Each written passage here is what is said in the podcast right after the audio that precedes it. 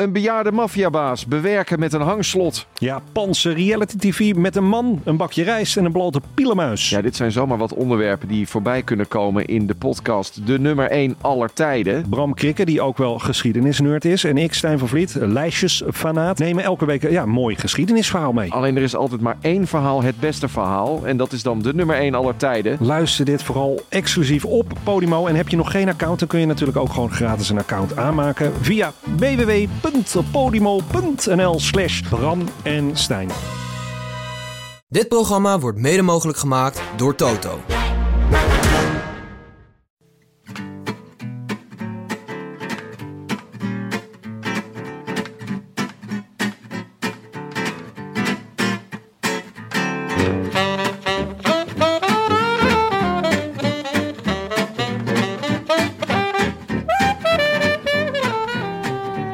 Is zondagavond 29 september 2019. Live vanaf de internationale wateren, de ferry van Hul naar Hoek van Holland, is dit de Rode Lantaarn. Ice Dwarf, right ahead.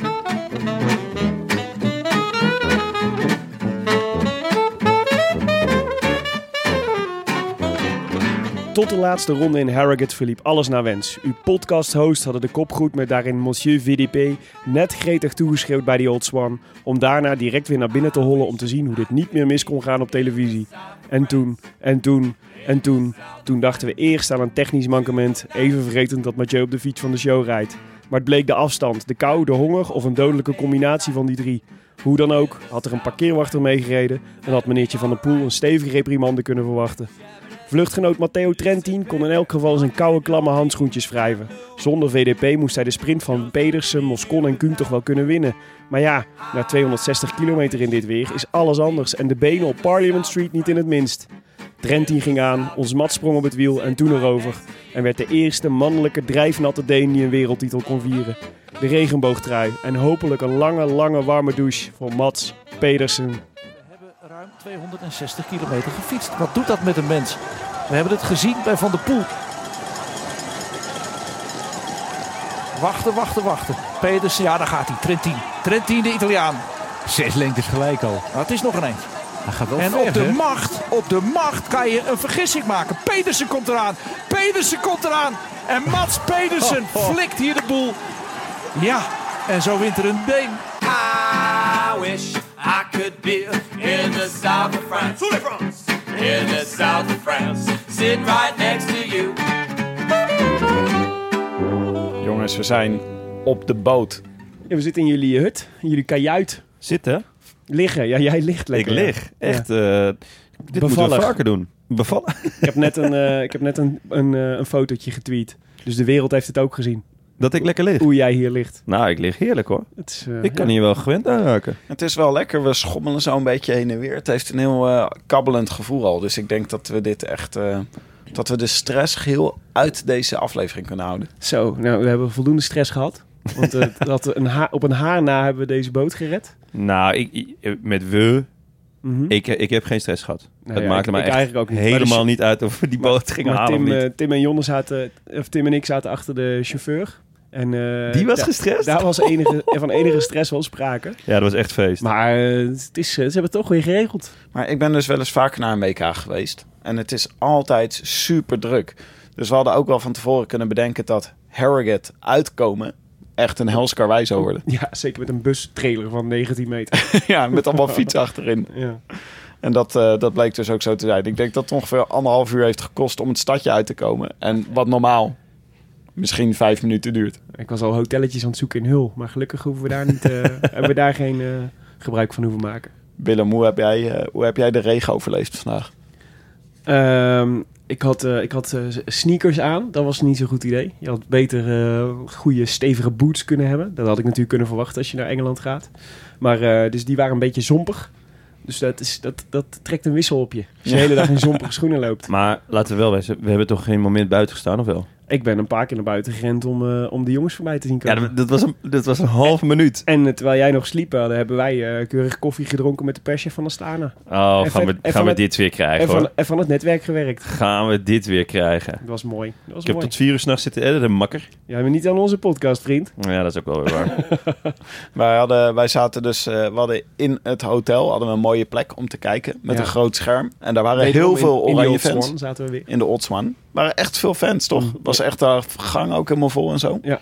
Echt een oranje hotel. En eh, het leuke was dat elke keer als dan het peloton langskwam, kwam, konden we naar buiten rennen. En dan heel even in de regen staan. En dan kijken van, och, wat hebben ze het zwaar. En dan rennen wij weer naar binnen. En dan namen we een toosje. Ja, en de, bij de laatste ronde was dus een speciaal moment. Want toen werden we en masse naar buiten gebonjourd om eh, Mathieu nog aan te moedigen voor de allerlaatste ronde. En dat was het laatste moment dat we dachten, hier rijdt de toekomstige wereldkampioen. ik wou net zeggen, toen was alles nog zo ontzettend lekker. Glimlach, glimlachen op ons gezicht. De ene laatste keer was dat dat hij bij ons voorbij kwam. Dus het was zeg maar, hij moest nog een heel rondje daarna. Ja. Ja, En eh, ja, toen leek het allemaal nog zo mooi eh, te kunnen, kunnen alles zijn. was koek en ei. Hoe vond jij het vandaag, Tim? Ik vond het echt weer een hele leuke dag om te kijken. Maar het is wel echt anders zo'n WK als het zonnetje schijnt en er staan allemaal kraampjes buiten. Ja. Vandaag was ook de fanzone was dicht.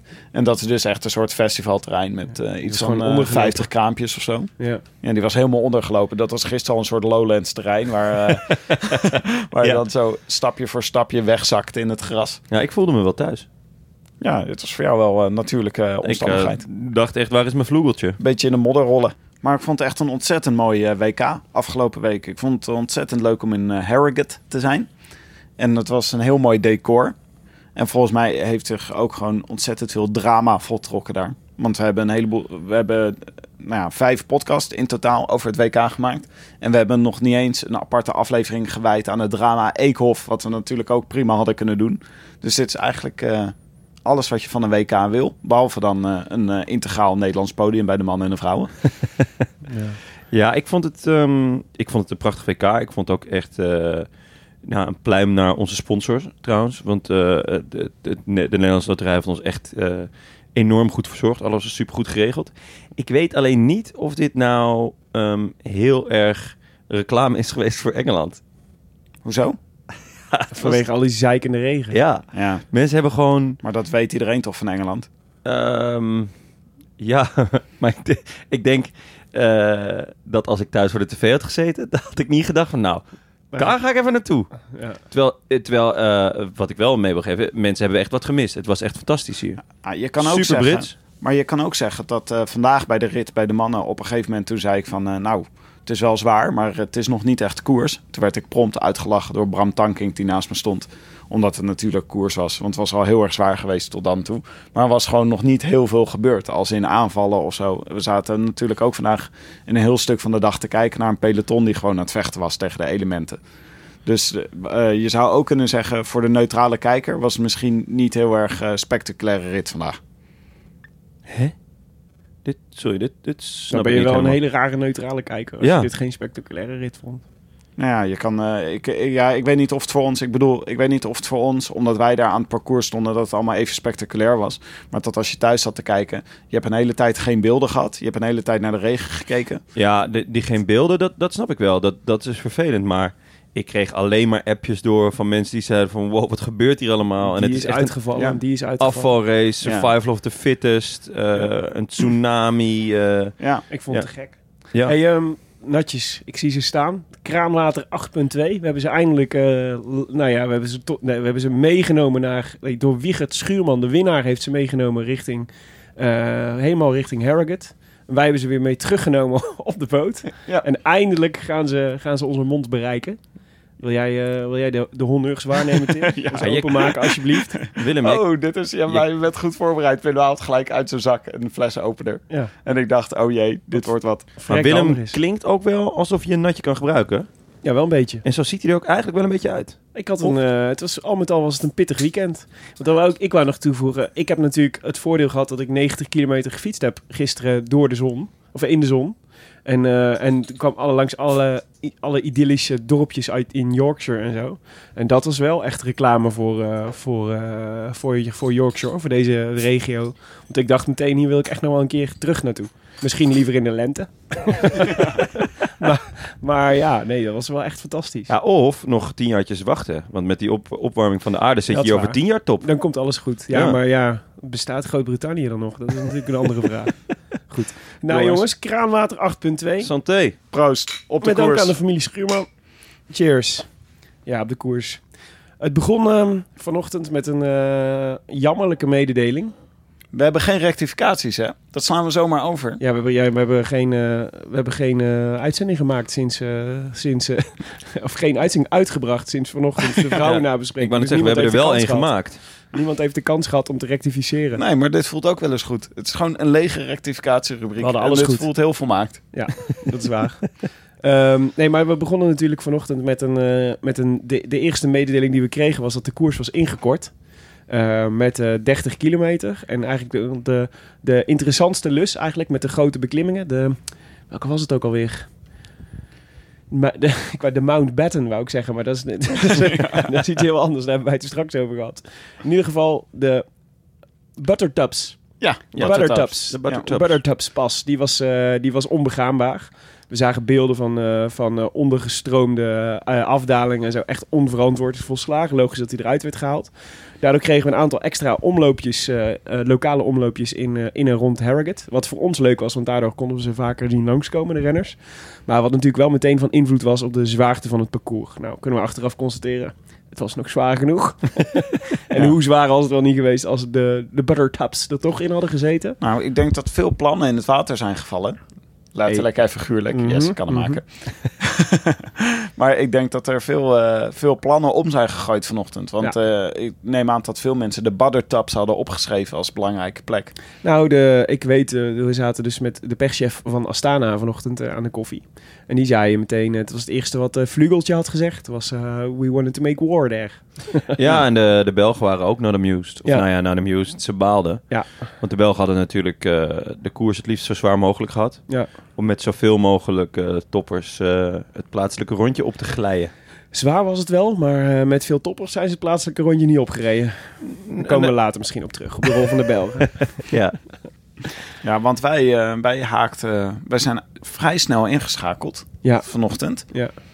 En eh, het eerste wat wij in beeld zagen was eh, het hobbelpaard. Het hobbelpaard. Ja, eerst de neutralisatie, waarin eh, heel veel renners eh, achter de wagen aan het steren waren.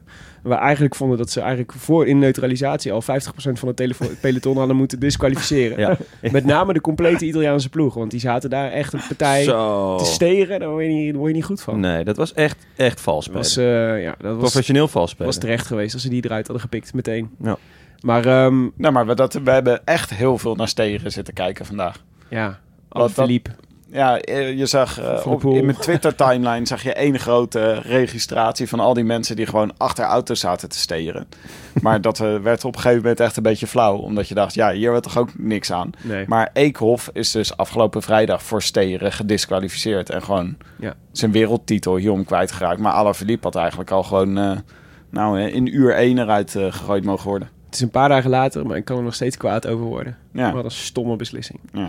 Maar ehm, het hobbelpaard dus, dat was eigenlijk de eerste aanvaller vanochtend.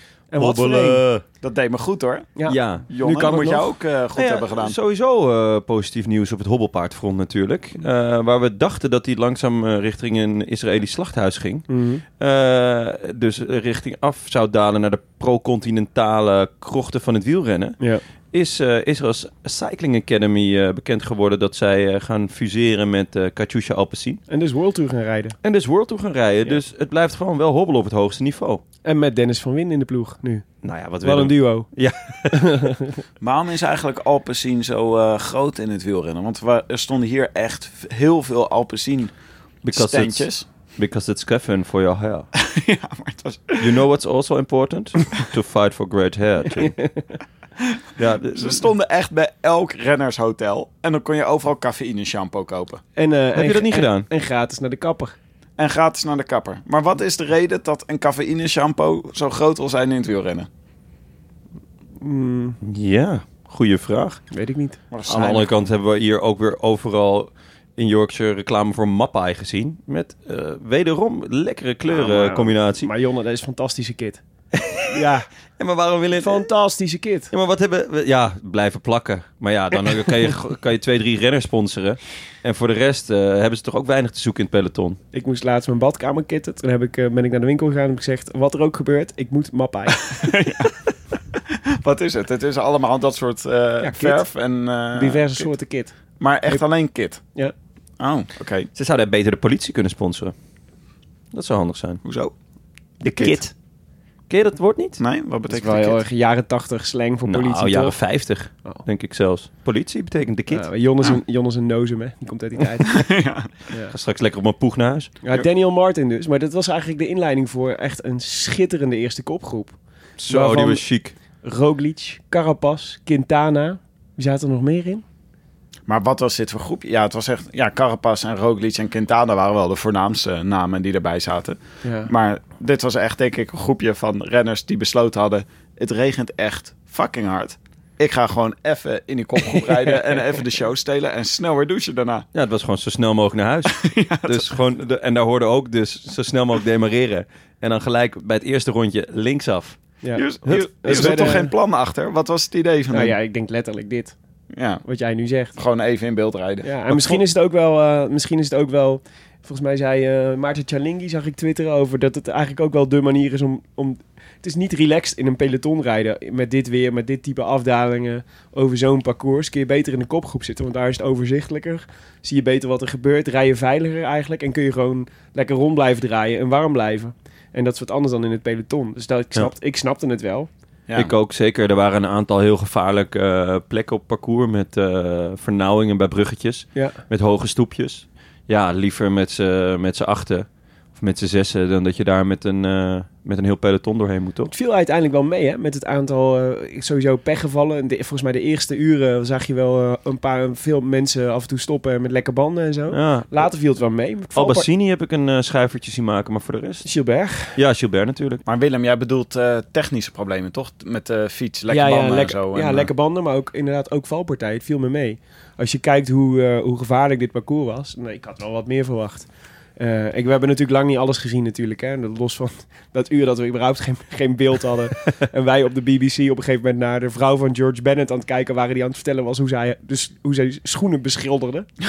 Wat ik wel echt super niche vond. Ah, de BBC was echt ten einde raad. Ja, ja. Het er stond nog net niet zo onder in beeld panic, panic, panic. Ja, maar ja. ja, Ja, toen dus- ze met dit item kwamen, we wisten we wel van... dit is echt het, de, de onderste van wat ze, het onderste uit de la wat ze nog hadden liggen. Ik zou het wel echt leuk vinden als gewoon eh, groot in beeld. Panic, panic, panic. naar het beeld, beeld op zwart, naar op rood, naar op blauw. En dan naar de vrouw van George Bennett, die, die schoenen aan het beschilderen is. ter plekke een paar itempjes bedenken. Ze zaten ook bij de, de stem van de race radio, Piquet, zaten ze in de, in de auto om hem even een paar vragen te stellen. En dat duurde ook net iets te lang Ja. allemaal. Dat je echt weet, dat je de regisseur in een oor voelt. Nee, nog even door, nog even Ja. door, nog even. Maar- nog één vraag. Ik zou het wel leuk vinden als er iemand van de NOS luistert. En eh, zij lopen tegen dit probleem een keer aan bij de Amstel Gold Race. Dan mogen ze altijd ons bellen om even die tijd eh, vol te praten. Vol te praten. Dan kunnen we Jonne absurdistisch Russisch theater laten doen. Dat heb jij overigens. We gingen dus koffie drinken met de perschef van Astana. En die bood jij prompt aan dat Jonne eh, absurdistisch Russisch theater kwam doen in de Astana bus. Dat leek me geweldig. Voor Lutsenko en Yevgeny Giric. Nou ja, goed, eh, er worden altijd eh, opnames gemaakt hoor, van, eh, van de voorstelling. Dus je kan ze gewoon opsturen. We sturen ze door. We gaan ze even WhatsAppen naar Vino. Kijken hoe hij reageert. 15 november staan we weer op de bühne. Jij doet hier echt aan, hè? Dat is even... Ja, misschien ja, denken zeker. Sommige zit- luisteraars, dit is een grapje, maar... Nee, ik zit al tien jaar bij het Slavisch toneel. En dit jaar spelen we voor het allerlaatst. En we doen een, een compilatie van 100 jaar Russisch absurdisme. In het Universiteitstheater, het weekend van 15 november. Ik Houdt het, eh, neem aan dat jullie gewoon de eerste rij zitten, jongens. We moeten fietsen. Nee, het is een heel weekend. Is, Hey, hey. maar een heel weekend op de plank? Of zijn het meerdere voorstellingen in één weekend? Het zijn eh, drie Zou- voor... Want dat zou ik wel echt serieus absurdistisch vinden. Dat zou zeker absurdistisch zijn. Vrijdagavond, zaterdagavond, zondagmiddag. Dus eh Oké, jullie een verrassingskoers, maar dan zeg maar Slavisch toneel. Ja, en het is wel in het Nederlands, denk ik althans. Niet, ja, misschien niet alles. Maar houdt het Slavisch toneel daar nou op te bestaan? Ja, onze regisseus gaat met pensioen. Ach, en Maar dat er is was... toch wel iemand anders te vinden die Slavisch toneel kan regisseren? Ah, dat, dat zal je verbazen, Willem. Ze staan niet in de rij voor dat soort, voor dat soort gekkigheden. Ik denk dat Alexander Vinokourov wel iemand kent. Die dit kan doen. ja, zeker.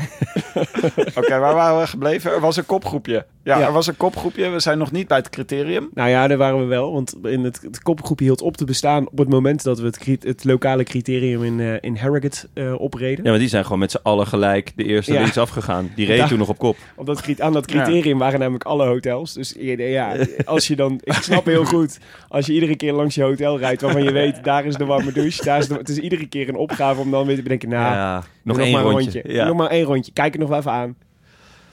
Ja, Misschien wordt het zo droog. er waren voor die tijd al veel meer renners uitgevallen, toch? Want Valverde heeft het criterium volgens mij nooit gehaald. Verde heeft het criterium niet gehaald. Nee, die eh, was, had al, eh, was al onderkoeld, volgens mij. Je had het echt heel koud. Ja. En ehm, volgens mij in een van de eerste rondes was dat niet. eh, dat was eigenlijk het eerste moment dat we weer echt opveerden. Het moment eh, van de crash Ja. van, eh, van eh, Gilbert. Ik weet, niet meer, al wie, ik weet niet eens wie er allemaal nog meer bij lagen.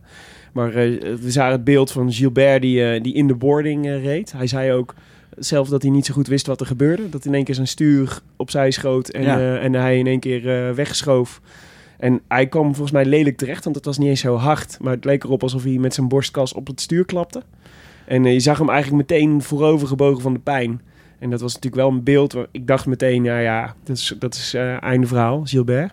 Hij was er echt kapot van, hè? Hij was echt, hij vond het echt verschrikkelijk dat dit gebeurde. Ja. En hij nam het zichzelf ook kwalijk. Maar er gebeurde dus inderdaad niks. Ja. Hij, er was geen putdeksel of Nee. zo waar hij tegenaan reed. Of eh, Nee. hij zegt zelf van ja, gewoon ik reed gewoon en van het ene op het andere moment lag Ja. ik ineens op de grond. Hij bood ook soort van zijn excuses aan, omdat hij ook nog allemaal anderen meenam. Dus hij ja, vond het gewoon verschrikkelijk dat hij zelf viel, maar vond het ook heel erg dat er nog anderen met hem vielen. Ja, en het was wel heel betekenisvol voor de koers ook. Want ehm eh, natuurlijk Evenepoel wachtte op hem. Die, eh, die eh, stond bij hem en die sloeg meteen een arm om hem heen. Wat, ik natuurlijk, wat natuurlijk een heel mooi moment was eigenlijk. En wilde hem terugrijden naar het peloton. Gilbert is, is op een gegeven moment afgestapt. Maar ook Evenepoel heeft het peloton niet meer gehaald. Nee. En dat heeft de tactiek van de Belgen, denk ik, lelijk, lelijke stok in de wielen gestoken. Ja, hij, eh, ik las achteraf dat ze telkens wel renners opraapten, maar dat ze echt telkens net niet bij het eh, peloton eh, kwamen. Ja, weet je wie daar op kop reden? Vertel. De Denen. Oeh, ja. Which is interesting in hindsight. ja. Nee, de Denen, de Denen gingen toen rijden. En volgens mij ook met als gedachte, dan zijn we, dan zijn we in ieder geval twee Belgen kwijt als we dit, als we dit goed uitspelen. Ja, Smart thinking. ja smart ding. En ook, ook wel op het randje. Maar de Belgen hadden dus besloten, dat had ik eigenlijk, ik, van tevoren denk je wel, Greg van Avermaat en Philippe Gilbert zijn kopmannen. Ik had verwacht dat Evenepoel ook een van de, dat hij een vrije rol zou hebben. Maar hier bleek dus uit dat Evenepoel Ja. ter ondersteuning was van, eh, van Gilbert. Ervaring opdoen, knechten. Na, zeker na die inspanning eh, in de tijdrit vond ik dat niet zo heel raar eigenlijk. Nee. Dat hij eh, die rol kreeg. Nee, maar het is wel leuk om te zien dat die ploeg, ploegenstrategieën, die zie je pas echt uitspelen. Want je, je weet het zo, je weet het helemaal niet van tevoren. Nee. Die ze gaan, eh, gaan uitspelen. En volgens mij bij Nederland, wat ik ook opvallend vond, was dat bij Nederland dus de kopmannen waren Mathieu van der Poel en Nicky Terpstra. Ja. En van tevoren hebben we natuurlijk, werd altijd gezegd, Mathieu van der Poel is voor in de finale. Maar het was heel duidelijk, Bening en ehm, Jos van Emden waren voor het begin. Mhm.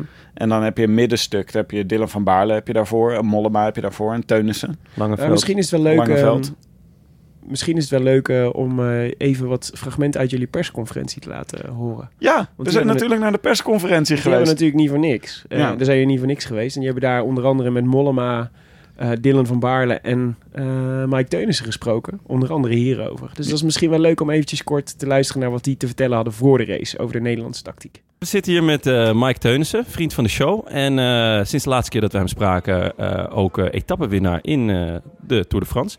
En gele truidrager ook nog. Mike, ehm, je hebt hier een blauwe trui met oranje tinten. Is dit de eerste dag dat je je gele trui niet aan hebt? Eh, hij, zit hieronder, hij zit hieronder, dus... eh, Hij zit hieronder. Ik dacht al, ik eh, het zag al een soort van gele gloed op jouw gezicht. Maar ik dacht dat komt misschien eh, is dat gewoon een soort van uitstraling die je hebt eh, sinds die eerste etappe natuurlijk. Eh, hoe voel je je? eh, goed wel, alleen ik heb het weerbericht voor zondag gezien, dus eh, dat is wel met een kleine slag om de arm, want eh, daar word ik niet echt vrolijk van. Ja, want eh, zorgt eh, de organisatie voor de Tour de France ook voor gele wetsuits? Wordt het zo'n interview, ja? Nee, ehm, dat is een goede vraag. Die zal ik even doorsturen, want eh, ja, dat lijkt me toch niet meer dan logisch. Oké, nou ja, dan, als je eh, dan over naar de obligate vraag. Hoe, eh, hoe kijk je naar zondag? Ja, kijk, wij hebben natuurlijk met, een beetje echt een topfavoriet. Dus waarschijnlijk is het een beetje alles tegen ons. En, en is het zaak voor ons om daar een beetje controle in te houden. Kijken of wij ja, nog zo lang mogelijk zeg maar, in, het, in de koers mee kunnen doen. En kunnen zorgen dat Mathieu in ieder geval in een goede positie zit. Maar eh, ja, wat ik zeg, dat gaat niet gemakkelijk worden. Want ik heb het gevoel dat iedereen wel eh, tegen ons is. Of in ieder geval probeert ons op te roken en Mathieu te isoleren. En hoe, hoe, hoe komt het dat je dat idee hebt? Ja, maar ik ook nog eens af en toe eh, koers kijk. En, en hadden jullie het niet in de, in de grote voorbeschouwing ook al daarover? Ah, we hebben het heel erg geprobeerd om het te downplayen. We hebben zelfs overwogen om de hele aflevering Mathieu van der Poel niet te noemen. Ehm, maar ja, we merken ook wel dat, eh, dat, eh, zeker toen we net op de persconferentie waren, dat er, ja, het was een hele, het was een hoopje op eh, Mathieu. Ja, ja dat, dat gevoel krijg ik ook wel, ja. Of dat, dat, ja, dat, dat is ook niet meer dan logisch, denk ik. Maar, maar dat, dat is een feit. En ja, ik verwacht dus wel dat daar zondag ook naar gekoerst wordt. En ja, ik hoop het natuurlijk niet. Want dat wil zeggen dat wij ook wat minder hoeven te doen. Maar, maar ja, ik verwacht het wel. Oké, en als we het dan eh, toch even helemaal om gaan gooien. Wij van de Roland Taarn zijn natuurlijk altijd van de complottheorieën en eh, rare strategieën. En eh, hoe, hoe kan het lopen als het? Is er een scenario waarin jij wellicht met de, de bloemen aan de haal gaat?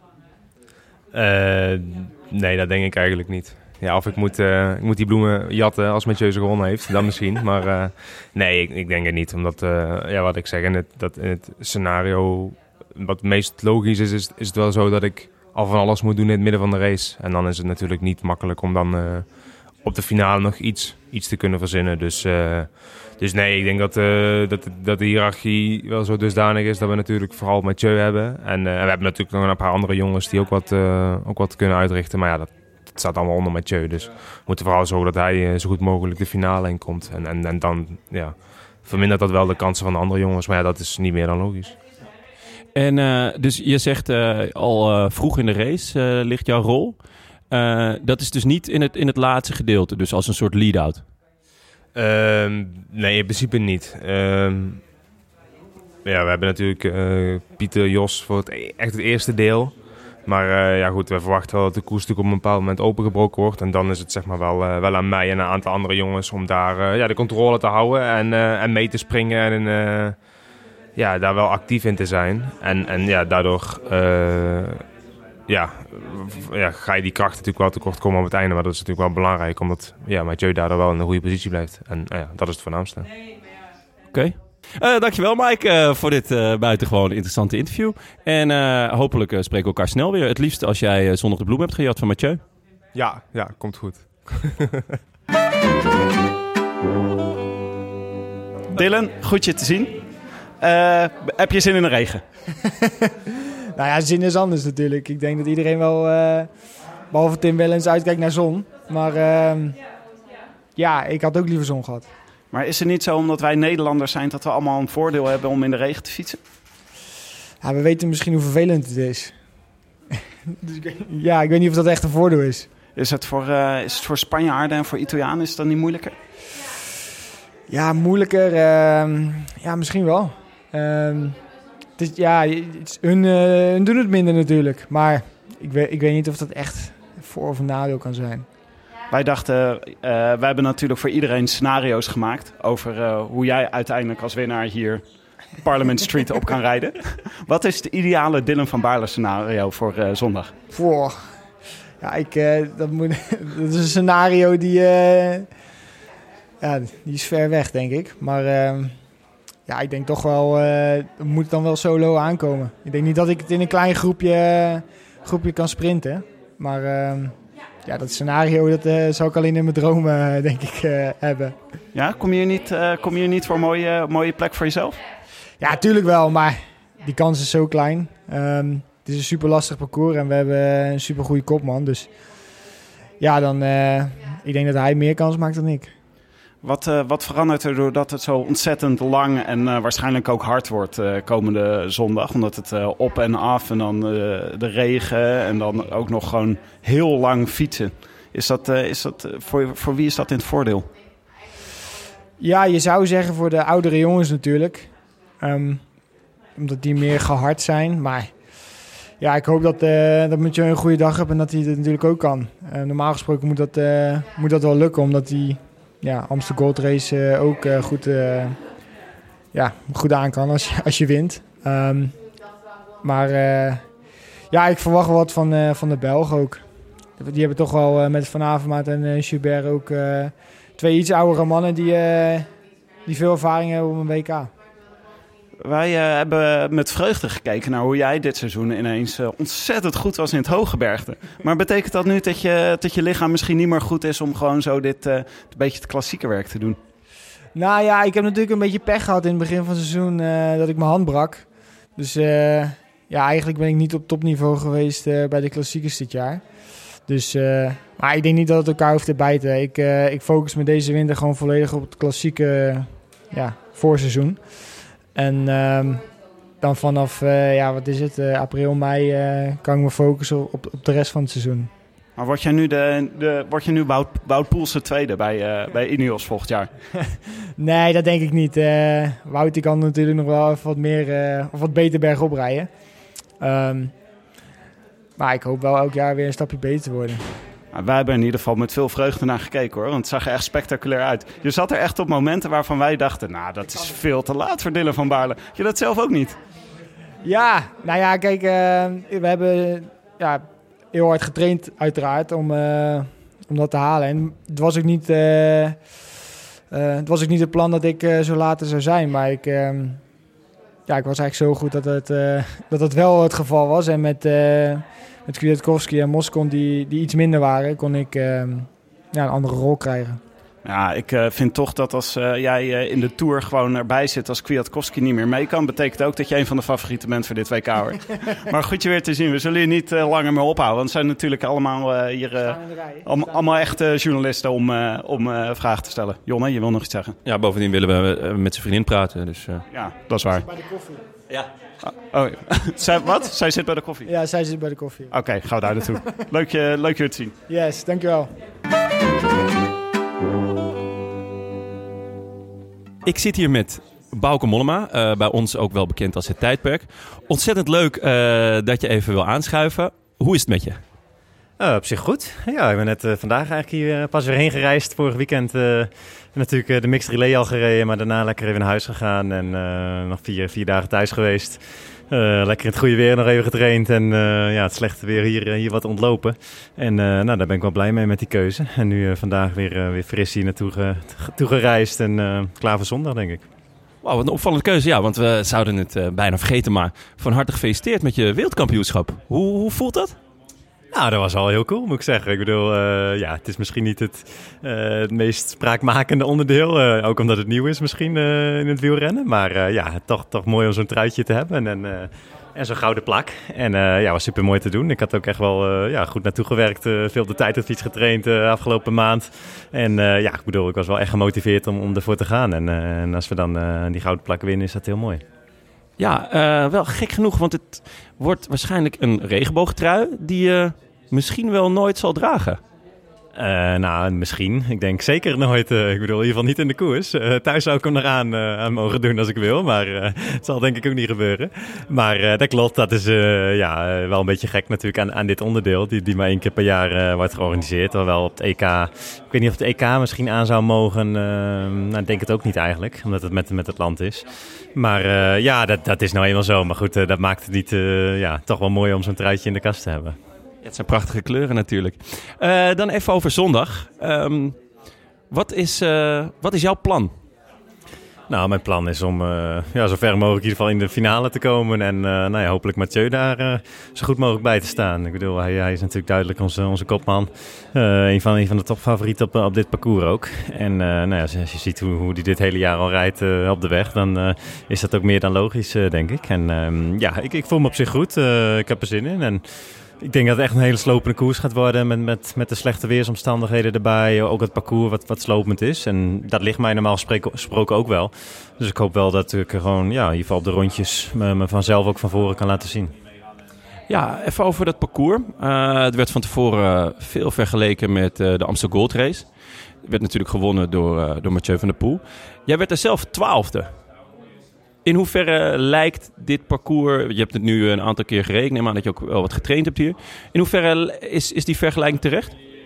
Daar heeft het wel wat weg van, eh, denk ik. Ik moet zeggen, ik heb de eerste eh, 100 kilometer, eh, of ja, dikke 100 kilometer niet, eh, niet gereden. Eh, de rondjes natuurlijk wel. Daar heb ik denk ik wel 6, 7 rondjes nu gereden. En dat is al lastig. Maar wat ik van de mannen hoorde is, is daarvoor in de beginfase zitten ook eh, een paar hele steile beklimmingen al. Dus het gaat gewoon slopend zijn de hele dag. En ik geloof ook, ook 4000 hoogtemeters. Eh, en heel veel draaiende keren. Dus wat dat betreft inderdaad wel te vergelijken met, met de Amsterdam Gold Race. En eh, ja, dit jaar ga ik me daar ook goed laten zien in de, in de finale. Eh, ja, werd terug, teruggepakt, denk ik, twee, twee, drie kilometer voor de finish door, door Mathieu. eh, die langs kwam, langs kwam stomen. En ja, toen was het beste bij mij er wel af. Maar ja, ik denk dit soort, dit soort koersen, zware koersen, die, ja, daar kan ik ook gewoon finale rijden. En dat hoop ik in ieder geval zonder ook te doen. Ja, want wij eh, van de Roland Taarn vinden het altijd leuk om, eh, ja, om, om koerssituaties te bedenken, te verzinnen. Eh, is er ook een koerssituatie te verzinnen waarin jij wint? Nou, die kans is niet zo heel groot, denk ik. Ik bedoel, er zijn heel veel snelle mannen hier natuurlijk. Ja, ook, ook de andere favorieten, nou ja, noem ze allemaal maar op. eh, hebben, hebben vaak een hele goede sprint in de benen. Dus eh, dan- zou ik waarschijnlijk toch eh, weg moeten rijden. En ja, goed, dat, dat is niet, niet even 1, 2, 3 de verwachting. Maar ehm, ja, we gaan het zien. Ik bedoel, we moeten in ieder geval zorgen als, als ploeg eh, dat we de koers in ieder geval in, handen houden. Dat we in de finale, als, als groepjes gaan weglopen, dat we in ieder geval altijd een mannetje mee hebben. En eh, ja, met me, natuurlijk met Mathieu in het achterhoofd, eh, ja, dat die eraan kan komen.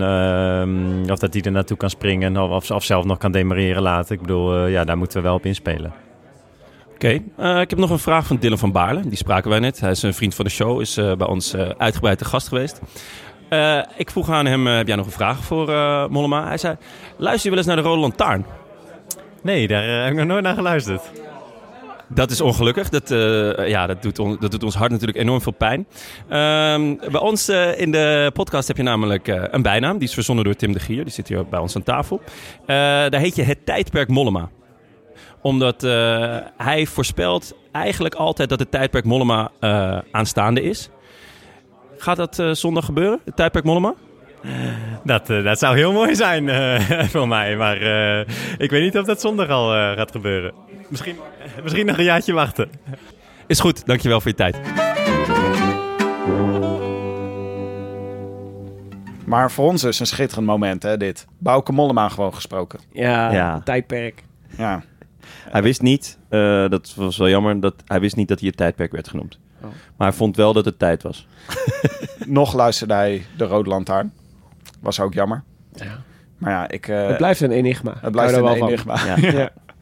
Volgens, eh, volgens Bram Tankink hadden we moeten vragen om in een podcast over economie te komen. Dat had hij leuk gevonden. Oh Ja, ja, ja. Als we hem hadden gevraagd naar de economische, naar de Brexit bijvoorbeeld, dan eh, was hij helemaal losgegaan. Dan Nou, had dat had ik echt iets voor ons gevonden, toch? Nee, om ja, zeker. Ja, aan te snijden. Het was natuurlijk ook gewoon een goede vraag geweest. Van welk boek heb je bij je? Dan Ja. was het gewoon was het gelijk bal geweest. Ja. Dus slechte, ja, slechte eerste vraag. Economische van thrillers, daar gaat Bouke goed op. Maar het was dus, we liepen dus door die wandelgangen hè, van het hotel op weg naar deze gesprekken. Sowieso waren ze allemaal heel aardig. Mollema die was ook eigenlijk alweer weg van de persconferentie en kwam nog even terug om met ons te praten. Ja. Dus dat was heel erg leuk. Mhm. En, eh, maar we hadden ook nog even, we zaten met al die renners een beetje te praten. En die vertelden ons dus nog eh, na deze gesprekken, vertelden ze ons ook een beetje voor de hiërarchie, over de hiërarchie in de ploeg. Zo vertelde Mike Teunis dat hij eigenlijk voor het middengedeelte van de, van de race was. En niet voor het slotgedeelte. Want ik dacht van tevoren, hij gaat de lead-out zijn voor Mathieu van der Poel. Ja. Maar ze hadden echt voor de finale hadden ze Nicky Terpstra en eh Mathieu van der Poel bedacht. Ja, Van der Poel was Ja. de kopman en eh Terpstra schaduwkopman. Ja, Ja. en dat verklaart ook dat wij eh, een week geleden nog aan, eh, dachten van... ja, wat gaat Terpstra daar eigenlijk eh, precies doen? Mhm. Wat gaat zijn rol in de ploeg zijn? Want hij is niet iemand die eh, veel knechtenwerk doet. Ja. Maar ja, nee, was- maar hij is, dus ook hij is wel, en dat is wel natuurlijk ook eh, waar hij denk ik zelf ook wel, wel op hoopte, dat iedereen naar Van der Poel zou kijken. Ja. Waardoor hij, eh, eh, oh, tactisch is hij natuurlijk ijzersterk. Goed gevoel voor eh, moment. dat hij op het juiste moment weg zou kunnen rijden. Heb je hem gezien na afloop bij de NOS? Nee. Zelden iemand zo helemaal naar de tering gezien. Ja, was het... eh, Ja, hij had dus ook een eh, hongerklop. Althans ook ehm, bij, eh, hij had een hongerklop gehad, zei hij. En onderuit verklaarde het, ja, je kunt er nog zo vaak aan denken, maar...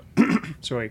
Je kunt er nog zo vaak aan denken dat je moet eten en drinken. Maar in zo'n zware koers en met zoveel lage kleding is dat dus ook best wel lastig. Om überhaupt gewoon fysiek bij je eten te kunnen. Weet je wel? Ja. Wat zijn de logische momenten om dat te doen? En hij zei, ja, dus ik heb de- tot in de, best wel de hele koers goed gedaan. Tot in de laatste rondes eh, gewoon merkte ik, was het vergeten, eh, kwam er niet toe. En dat betaal je, uit betaal je, je moet ervoor betalen in de laatste ronde. Want Hij werd, ook, hij werd ook gelost uit de groep. En hij zei, vond ik ook heel mooi, wat was, het, wat was hetgeen toen je van de pool terug zag zakken? Wat, was de, wat dacht je toen als eerste? Toen zei hij, ja, kut. ja, ja, ja, ja. Ja, mooi. Hij kan er ook echt wel goed uitgewoond uitzien hoor. Onvoorstelbaar. Nou, maar eh, zo heb ik hem nog nooit gezien hoor. Dit was echt zeldzaam, zeldzaam eh, afgeracht, klaar. Eh, het was, ik dacht, hij valt nog. Ik vond het dapper dat hij nog even bleef staan. Na een paar vragen zei hij ook: ja, als je het goed vindt, ga ik nu douchen. Ja, ja, ja. Schijnt dat Van Als je het niet goed vindt, ook eh, trouwens. Van Avermaat schijnt ook echt voor de camera heen en weer te hebben geschommeld van ellende. Ja, ja. en alle Philippe, alle, alle, dat waren, ik zag zag een foto van alle Philippe, die leek tien jaar ouder. Ja. Het was echt een, Ja, echt een monstrueuze koers. Er zijn geruchten dat hij over zijn nek is gegaan. Alle Twee keer, ja. Dat is toch ook wonderbaarlijk, hè? Ja, ja, volgens mij was het... Was er niet Seneschal die twee keer over zijn nek is gegaan? En Alaphilippe één keer? Oh, dat zou kunnen. Even Ja. voor de, Voor de record. Ja, voor de record. We willen natuurlijk weer een perfecte eh, uitzending zonder eh, rectificaties. Gewoon weer nul rectificaties. Dat zou lekker zijn. Maar moeten we gewoon wederom, wederom niet uitbrengen. Tot de volgende. We gaan ze nu opstapelen en allemaal in één keer uitbrengen. Precies. Ja. Maar Mike Teunissen dus, eh, die we net hoorden, dat was, eh, ja, ja, ons hart maakte natuurlijk een sprongetje.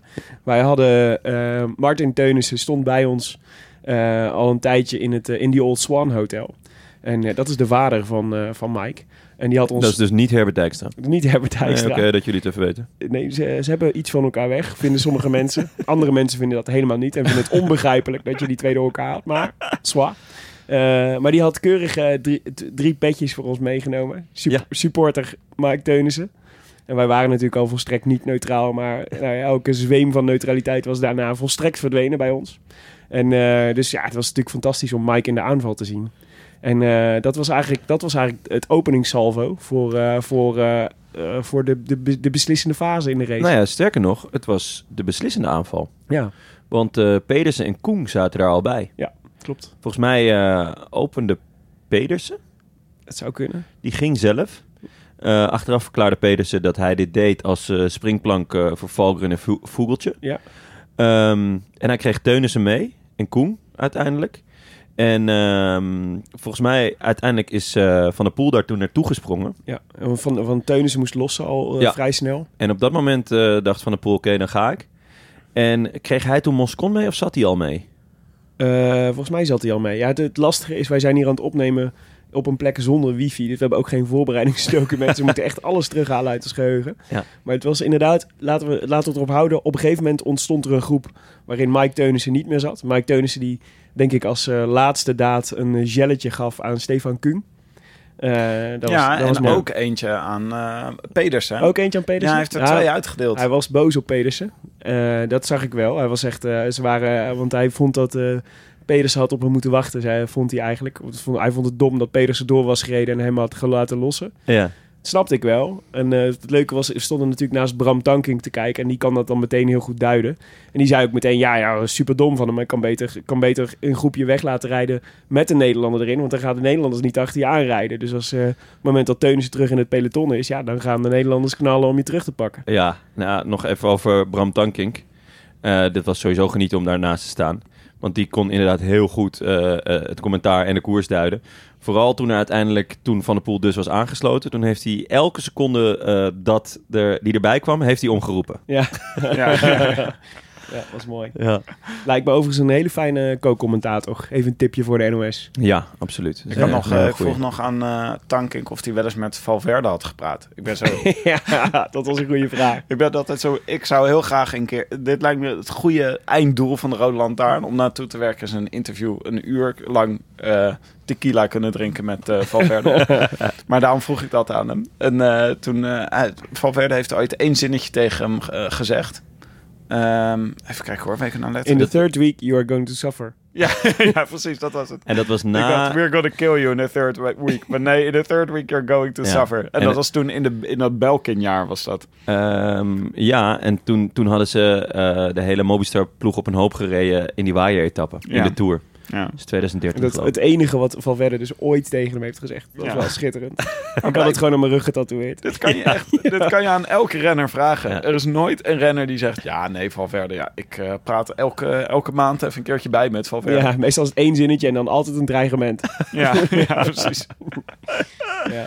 Maar goed, ja, de, de- dat was het moment eh, van de pool ging aan. Die, eh, en ja, toen zag je eigenlijk al wel, er was steeg gejuich op bij ons in de zaal. Ook omdat, die, eh, omdat geen van de favorieten van de pool kon volgen. Ik denk dat eh, de types, eh, de grote favorieten van Avermaat, Sagan, eh, Alaphilippe. Alaphilippe. Alaphilippe probeerde het. Ja. maar het lukte hem niet. Moest kotsen. En eh, ja, ja, maar de, Hij dus was als een je, beetje zoals die ene, dat mannetje uit South Park... wat de hele tijd moet kotsen als hij mooie meisjes tegen. Hij probeerde ook nog naar Van de Poel te kotsen, maar hij miste hem. Hij had wind tegen, dus kwam Hey, pats weer, terug. Als een soort paddenstoeltje wat hij naar hem wilde gooien. Maar, ehm, eh, maar dat was natuurlijk heel veelzeggend. Want eh, hè, als je Sagan heet of Van Avermaat heet... en er is maar één iemand die je echt in de gaten moet houden... dat is Van de Poel. Die mag je nooit laten rijden. Weet je, Dat is eigenlijk de opdracht waarmee je... Dus toen zag je, die jongens die zijn niet, eh, niet helemaal goed. Eh, en toen kwam die kopgroep en dan denk je... Behalve natuurlijk Trentin. Ja, Trentin deed het goed. Trentin eh, was duidelijk in vorm de afgelopen weken. En die eh, zat redelijk snel op het wiel van, Ja. van Van der Poel. was indrukwekkend. En, en ook eigenlijk toen zag je vervolgens die groep ontstaan. De definitieve groep eigenlijk. Hè? Dus Koen, Moscon, Trentin. Dus twee Italianen. Ehm, Pedersen en Van der Poel. Vijf man. En het was duidelijk dat Moscon eh, tweede viool speelde bij de Italianen Ja, in deze groep. moest, want die eh, moest kopwerk doen. Ja, en, eh, dus, maar dat was heel goed voor die groep eigenlijk. Want je weet, hè, wat is dan de situatie? Je hebt eigenlijk twee jongens die supergoed kunnen aankomen. Trentin en Van der Poel. Pedersen zat ik toch een niveautje lager ingeschaald, zeg maar. Ja. Zeker na het seizoen wat hij had. Hoewel, als je ziet dat je nu komt bovendrijven, dan, kun je, dan, dan heb, je, heb je in ieder geval een goede dag. maar eh, je zag, eh, eigenlijk dachten, dachten wij, eh, vijf man, dit de groep, is eigenlijk een ideaal scenario. Want eh, in, de, in, de, in de achtervolgende peloton zat Terpstra toen nog, zat Mollema toen nog, hing Teunissen nog, nog op zijn, zijn laatste adem, maar hij zat er nog bij. Ja. Dus het was eigenlijk een soort ideale situatie voor Nederland. Ja, Eigenlijk zeker. dat je dacht, ja, tot 11 kilometer voor de finish dacht je, dit is, eh, dit is eh, beter had het niet gekund dan nu, dan dat het nu is. Ja, vooral omdat eh, in de groep daarachter, die natuurlijk ook al flink uitgedund was. eh, ja, dan ga je toch kijken naar welke landen zitten daar nog. Ja. Dus wie, wie gaan er nog rijden? Nou, voor Frankrijk, ja, volgens mij is dat alleen eh Galopin en dan had je dus al alle Philippe. Ja. België had je Wellens. eh, eigenlijk vanaf het moment dat Nase eraf ging, wist je dat het goed zat. Want dan had je Wellens Teuns. en, eh, en eh, Teuns en Van Avermaat. Ja.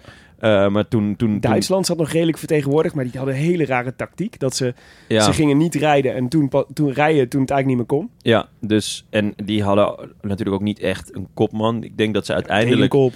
ja, de, uiteindelijk de kaart Degenkop speelden, maar dan is het wel een beetje armoedroef natuurlijk. Ze hebben lang gereden voor Akkerman, volgens mij. Ja. Die Ja. uiteindelijk toch best wel laat in de finale pas afgestapt. Ja. Ik denk dat als eh Piels Noliet eh, gewoon de kans hadden gegeven, die had nog ver gekomen. Ja. Was eigenlijk de Ehm, sterkste van, reed de. Duitsers. Nee, maar dan, dan kijk je dus naar, naar het groepje. Eh, en ja, daar zit natuurlijk Italië en eh, Nederland en Denemarken zi- zitten goed. Ja. Dus die hoeven erachter niet te rijden. Ja, dan is het, eh, was het Frankrijk en België. Eh, en dat was dus inderdaad Wellens en, ehm en Galopin. Ja. Lampaard ook veel, toch? Veel kopwerk. Eh, volgens mij was die toen ook al gelost. Ah ja, maar die heeft wel een tijd Want België. België ja klopt. Nou, maar, België heeft één voor één die mannen opgerookt. Dus Ja. inderdaad Lampaard, Teuns en Wellens. Die zag je er één voor één afrijden. Ja. Toen dacht je al, ze hebben- het is gewoon, dit gaat gewoon niet meer lukken. ja, Dit is de groep. Ja. En ehm, dus wij, eh, wij holden naar buiten om eh, Mathieu eh, toe te schreeuwen. Nou, we hebben ons best gedaan, Tim. We stonden naast elkaar. Ja. En, eh, en rijden- nou ja, Veel Nederlanders bij ons om ons heen. Ja, veel leek, Nederlanders langs het parcours. geen veldje aan de lucht. En toen, pof, ja, toen hij stuurde naar rechts. En het was klaar. Ja. Vond ik wel echt een moment van de dag hoor, dit. Want dit is echt iets, een beeld dat ik gewoon niet meer snel zal vergeten. Dat wij gewoon met een hele zaal vol met Nederlandse fans, die allemaal het volste vertrouwen hadden. Met Van der Poel, die zo supergoed is dit seizoen. Ja. En daar gewoon vol in beeld rijdt. En ik zag het gewoon, ik zag het gewoon gebeuren. Ik zag het gewoon Eenzelfde voor me. forsing had gedaan. Ja. Ja. Ja. En iedereen zat ook zo, hè? Heeft hij pech? Heeft hij pech? Ja. Is het zijn ketting? Ja, en die Heeft hij stonden een- naast heeft die, jongens, leegloper? eh, naast die jongens van Shimano. En die hebben Ja. er natuurlijk kijk op. En die Ja. zeiden ook meteen, nee, het is niks met zijn fiets. Nee. Ja. Ja. Nou Maar ja, wat, eh, wat, wat dus eigenlijk er? vond ik eigenlijk shocking. Ik dacht, als het een lekker band is, Ja.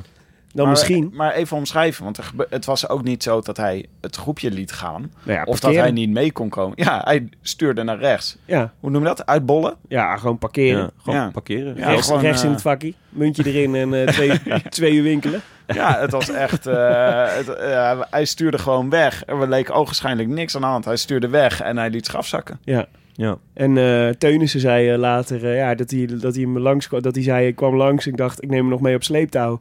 En, eh, en Van der Poel kon alleen nog maar zeggen, kou. Ja? Ja. Oh, man. Ik dacht dat uh, Teunissen zei, ik denk, denk dat hij misschien zijn kleding iets te vroeg heeft uitgetrokken. En eh, een beetje bevangen werd door eh, de kou. Maar ja, het is natuurlijk op 11, dat je, dan heb je er al 250 kilometer op zitten. En dan 11 kilometer voor de finish in zo'n groep. Kun je het niet meer. Och, och. Maar hij deed het in de Ronde van Noorwegen ook, hè, op deze manier. Ook tijdens een beklimming dacht hij ineens... eh fuck it, let's go bowling. Ja. En stuurde zijn eh, fiets naar Ja, maar dat was toch nog tijdens een, dat was, ik heb die beklimming gezien. Dat was echt een behoorlijke pittige klim.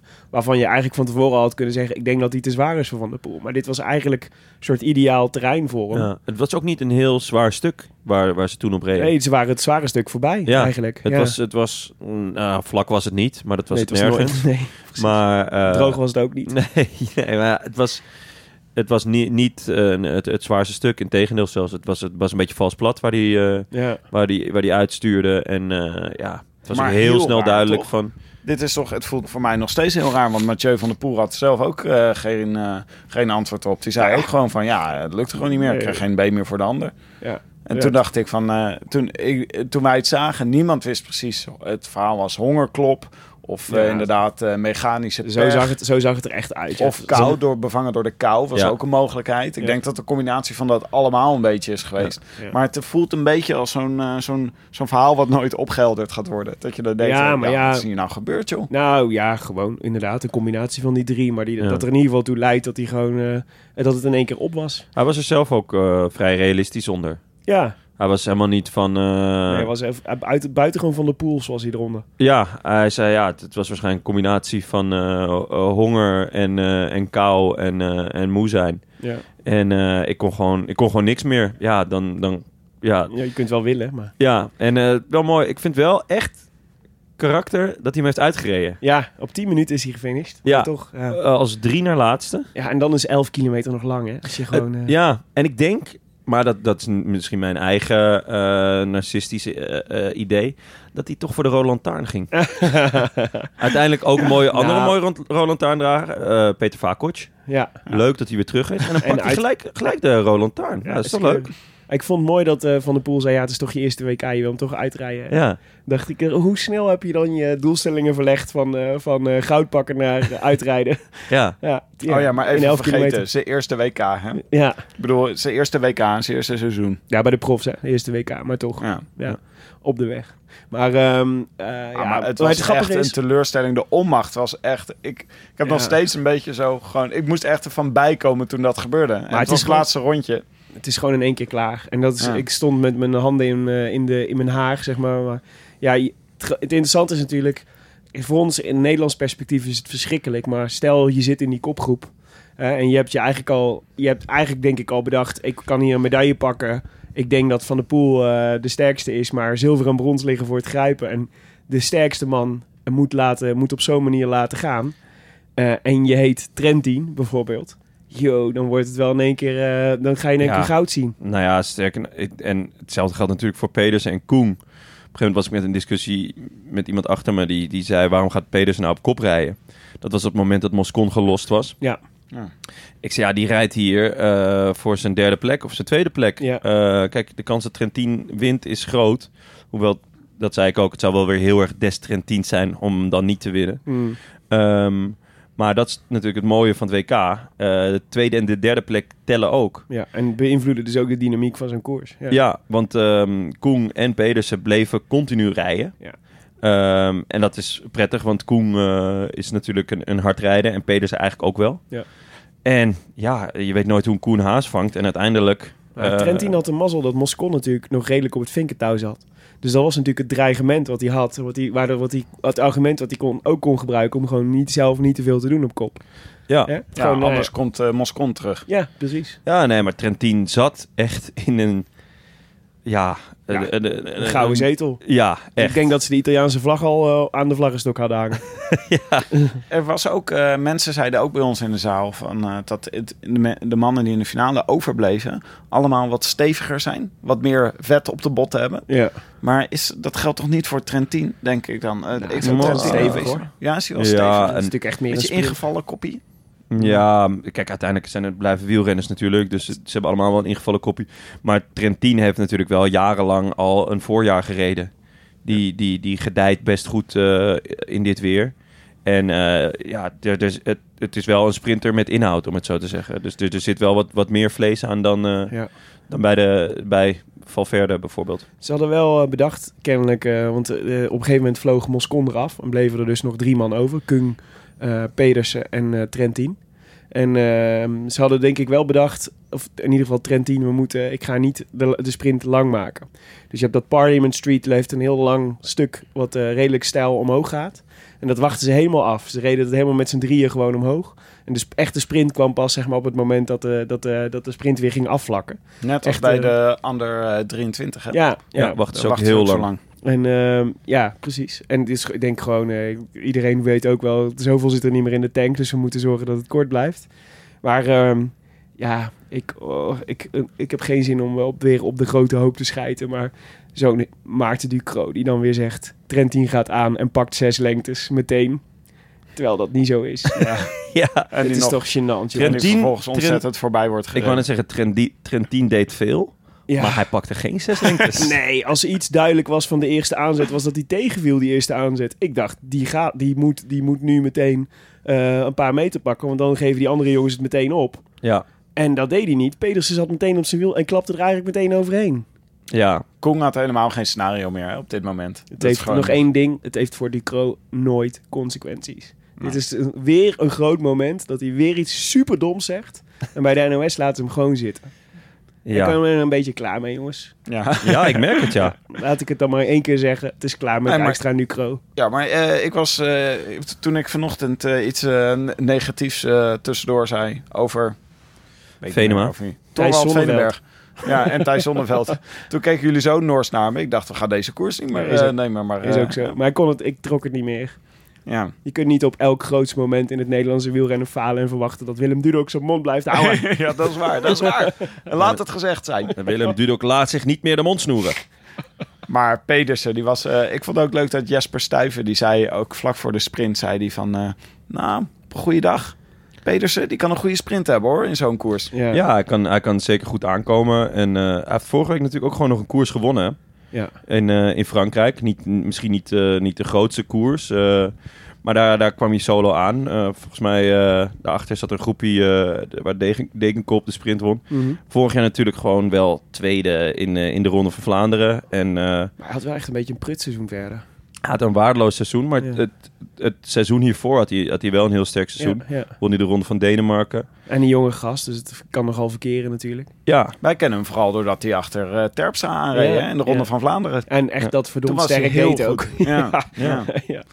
Terpstra van wereldklasse, waar je dan gewoon uh, voortdurend maar op 20 seconden achter blijft hangen. Ja, ja, dat is wel knap hoor. Ja, maar het, het, maakt het ook nog vandaag extra knap, omdat het zo'n zware koers was. Ja. Waarvan uh, we uh, nog zeiden van dit is eigenlijk, in, de, in de persconferentie hadden we het er nog over, dat dit eigenlijk voor oudere renners mm -hmm. een heel erg goede, ja. goede omstandigheden zijn. Moet, Stefan Koen, ja, daar, daar past het bij, weet je wel. Goede, taai, sterk. Ja. Hardrij erkende hardrijder. Ja, maar uh, Pedersen die heeft nou ongelooflijk. Het past bij het jaar, hè? Het jaar van de, van de jonge doorbraken. En uh, Pedersen had misschien zijn doorbraak uh, even iets eerder. Maar ja, het is, het is 23, dus die kan nog prima in het rijtje van, van supertalenten. Die dit jaar hun neus aan het venster steken. En hoe, weet je, gewoon meteen wereldkampioen worden. Toch vind ik het altijd tikkeltje jammer dat de favorieten niet zich in de strijd mengen. Dat we geen aanvallen van Ala Philippe of van Greg van de Avermaat hebben gezien. Sagan ging er achter, ging, ja. heeft te lang gewacht. Wat deed hij nou? Hij wees toen hij over de finish kwam. Hij kwam als vierde of zo over de finish. Vijfde. Vijfde wordt hij, ja. Ja, En Scon was vierde. Toen wees hij op zijn helm. Zo, hij ging zo de streep over terwijl hij op zijn helm eh, naar zijn hoofd wees. Oh. Ik interpreteerde dat een beetje als van... Ik had het eerder moeten bedenken. Oh. Aanvallen. Ja. Jij, jij voelde het aan. Strategisch. Strategisch foutje. Ik weet het Zoiets. niet. Ja, nee, ja. Of bedoelde hij dat? Vergeet mij nooit meer. Strategisch foutje was dat hij niet met Van der Poel mee kon. Maar ik weet niet of dat het strategisch was. Ja. Maar vinden Ja. jullie dat dan niet bij zo'n WK? Dat je dan toch een beetje hoopt dat de favorieten in de Nou, finale nog iets gaan doen? Mm, Ik heb me niet verveeld vandaag. En Ik dat, ook niet. eh, dat is het, het voornaamste. Kijk, het was gewoon een prachtige koers. Als we met z'n allen maar een beetje rustig kabbelen en wachten tot die laatste beklimming. Ja. Eh, en dat dan wel de kleppers zijn, ja, dat, dan heb ik liever dit. Eh, het was Ja. ook ehm, zeker omdat eh, we een tijdje geen beeld hadden. Maar dat er wel allemaal berichten doorcijpelden met mensen die oud waren. En dat waren echt niet de kleinste, de kleinste namen. Dus dat maakte het ehm, een heel eh, spectaculair WK. Eh, het, was, gewoon echt een afvalrace. Ja. Ik, eh, nee, ja, ja, zeker. Dus ik heb, er ook, ik heb er ook echt van genoten. Maar nog even over eh, tag, team tactics. Dus ik zei al, ik vond Duitsland raar dat die zich pas zo laat gingen rijden. Terwijl, ja, waarom, toen had het eigenlijk geen zin meer. En toen op het moment dat Sagan aanging, kon er dus ook niemand die nog, die nog kon volgen. Ja, de Belgen moeten het toch wel even over hebben hoor. Want die, hadden, die gingen hier met by far de sterkste ploeg eh, van allemaal heen.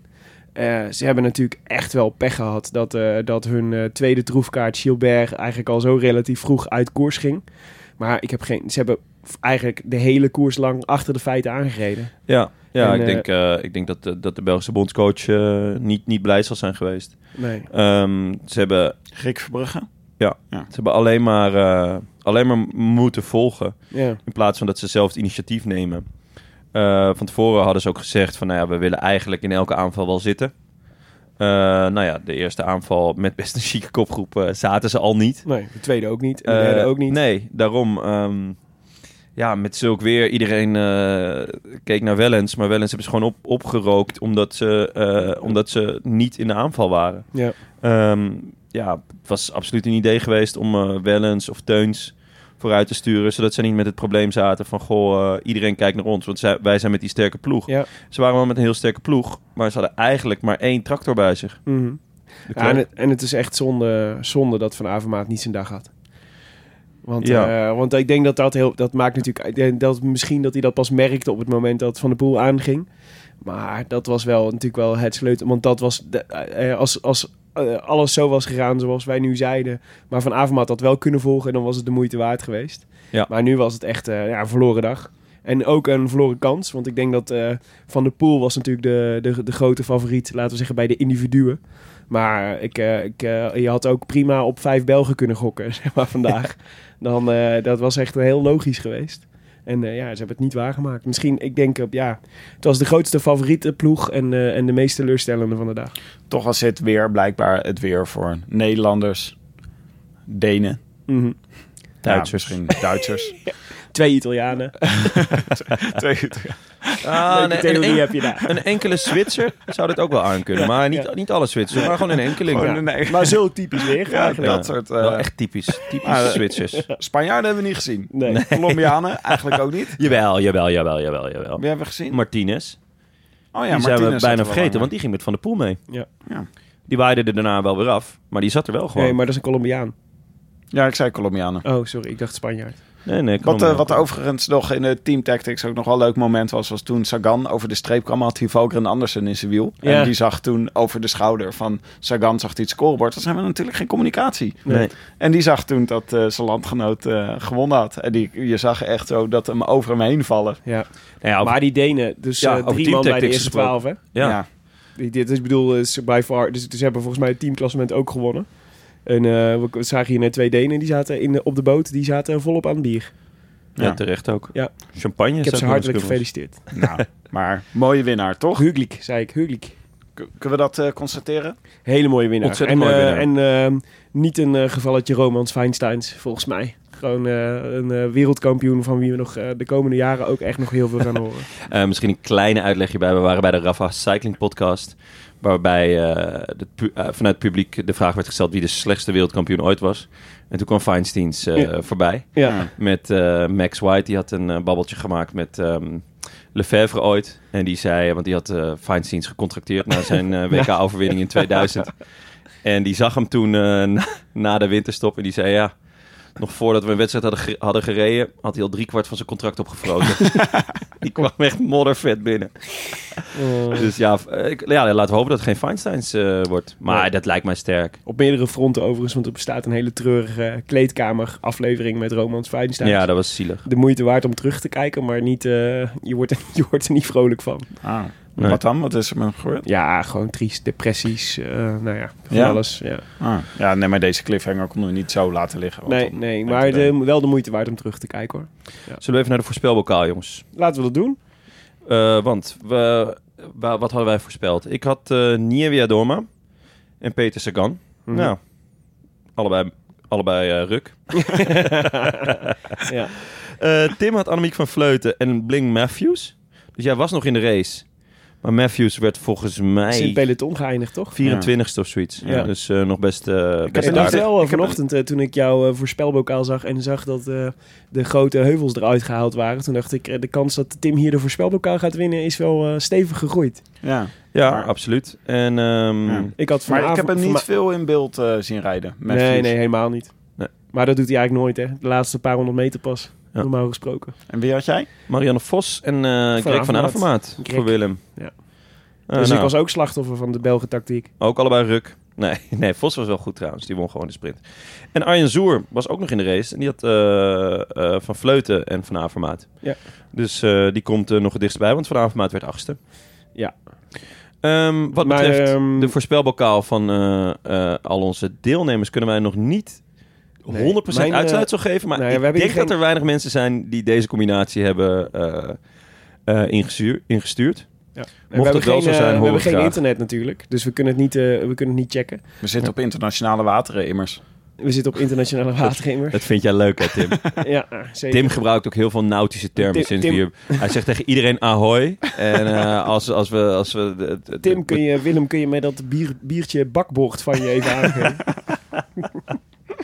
Ja. Behouden vaart, het- zei jij net. Ik ben iemand. even naar de Wat? kombuis. Jij wenste net iemand een behouden vaart. Ja, ja, zeker. Tuurlijk. Ja, het is wel belangrijk. Ik, eh, ik, ik wil niet, ik wil niet eh, verdrinken hier. Nee, maar ehm, mocht er iemand toch gewonnen hebben, dan komen we daar natuurlijk uitgebreid op terug. Want als zo gauw we eh, de wal hebben bereikt, dan, eh, dan eh, spoed ik mij richting Facebook om te kijken of er nog iemand eh, iets goeds heeft De wal. ja, het vasteland. Het vasteland. nou, ik hoop dat jullie Er- zeebenen bij hebben. Want het- Ergens gaat een albatros ons de weg wijzen. Goed. Ehm, Ja, de prijs is een mooi winterpakket van de fiets van de show Canyon. Met een, een koersklakske, Ja. een eh, nekwarmer en een muts. Plus een boek uit het wielerfonds van eh, Atlas Contact natuurlijk. Ja. Ehm, ja, tot zover Yorkshire jongens. Tot zover Yorkshire. Ongelooflijk. Wat een, eh, Wat wat een- dagen. Wat een dagen, We zeker. hebben, we hebben gefietst, we hebben eh, live podcasts gezien, we hebben heel veel leuke mensen ontmoet. We zijn naar het Turks Badhuis geweest. Jullie zijn naar een Turks Ja. badhuis Ja. geweest. Zeker. Ja. Dat is ook een hoogtepunt. Ja. Eh, u luisterde naar de Roland Taarn, gepresenteerd door uw favoriete bankzitters te Engeland. Willem Dudok, eh, Tim de Gier en ikzelf, Jonas Riese. Met grote dank aan onze sponsor voor dit WK. Dat was echt allemaal fenomenaal geregeld. geregeld. De Nederlandse Loterij. Hey Jonne, we hebben ook allemaal nog een staatslot gekregen. Dat meen je niet. Ja, dus het zou zomaar kunnen dat we gewoon dat deze trip ons ook nog miljonair maakt. Oh, of dat- één van ons drie dan. Oh, dat gaat eh Dan ik- jaloezie opleveren. Dan hoef ik jullie nooit meer te zien. Ja. Ja. Dan is- kan ik gewoon gelijk mijn baan opzeggen. Beginnen we dan een wielerploeg? Rondom Gidic? Oh ja! Zeker. Zeker. laten we dat afspreken. Als Ja. één van ons het, de, de hoofdprijs in de loterij wint, dan beginnen we een wielerploeg. Ja. De Rode Lantaarn Pro Cycling. Zeker. En dan voel ik me in de, hoek, eh, in de hoek gezet. Want als ik dat nou niet wil... nee, je Dan, moet. eh, nee, je zit er nu aan vast. ja, je zit er nu Je aan bent vast. inderdaad in de hoek gezet.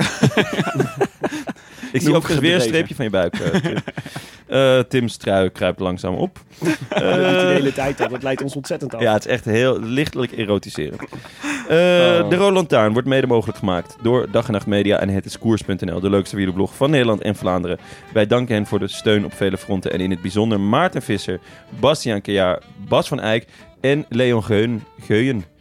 Willem, heb je al genoeg van Leon? Jullie zijn tenslotte eh, hand in hand eh, al eh, dagen door het land aan het trekken. Nee, helemaal niet. Het was Nee? heel leuk. En, en hij had een, had een hele leuke wielerquiz aan boord op de heenweg. En misschien gaat hij straks nog wel iets op de terugweg doen. Koop een liedje. Dat is hier een zangeres die Bon Jovi zingt de hele tijd. Shot through the heart? Nee, ze deed een andere. Eh, Living on a Prayer. Oh, ook een lekker nummer. Ja, ja, ja, ik moest ook meteen aan jou denken. En aan de nacht van de Power Ballad en zo. Maar dat is... eh, 28 december, ik sta er weer. dit staat ons nog te wachten straks, denk ik. Maar eh, nee, ik ben Leon nog niet zat. Ik kan nog Oké. prima één nachtje naast hem in, de ka- in deze kajuit. Liefeltje, liefeltje. Ja, en dan Eh, lekker was eh, jij samen romantisch door de patrijspoort staren. Was jij de de grote lepel of de kleine lepel?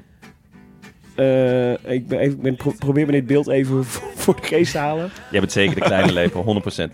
Wil je reageren op deze uitzending via Twitter? Zijn we te bereiken. Willem Dudok, Tim Garçon.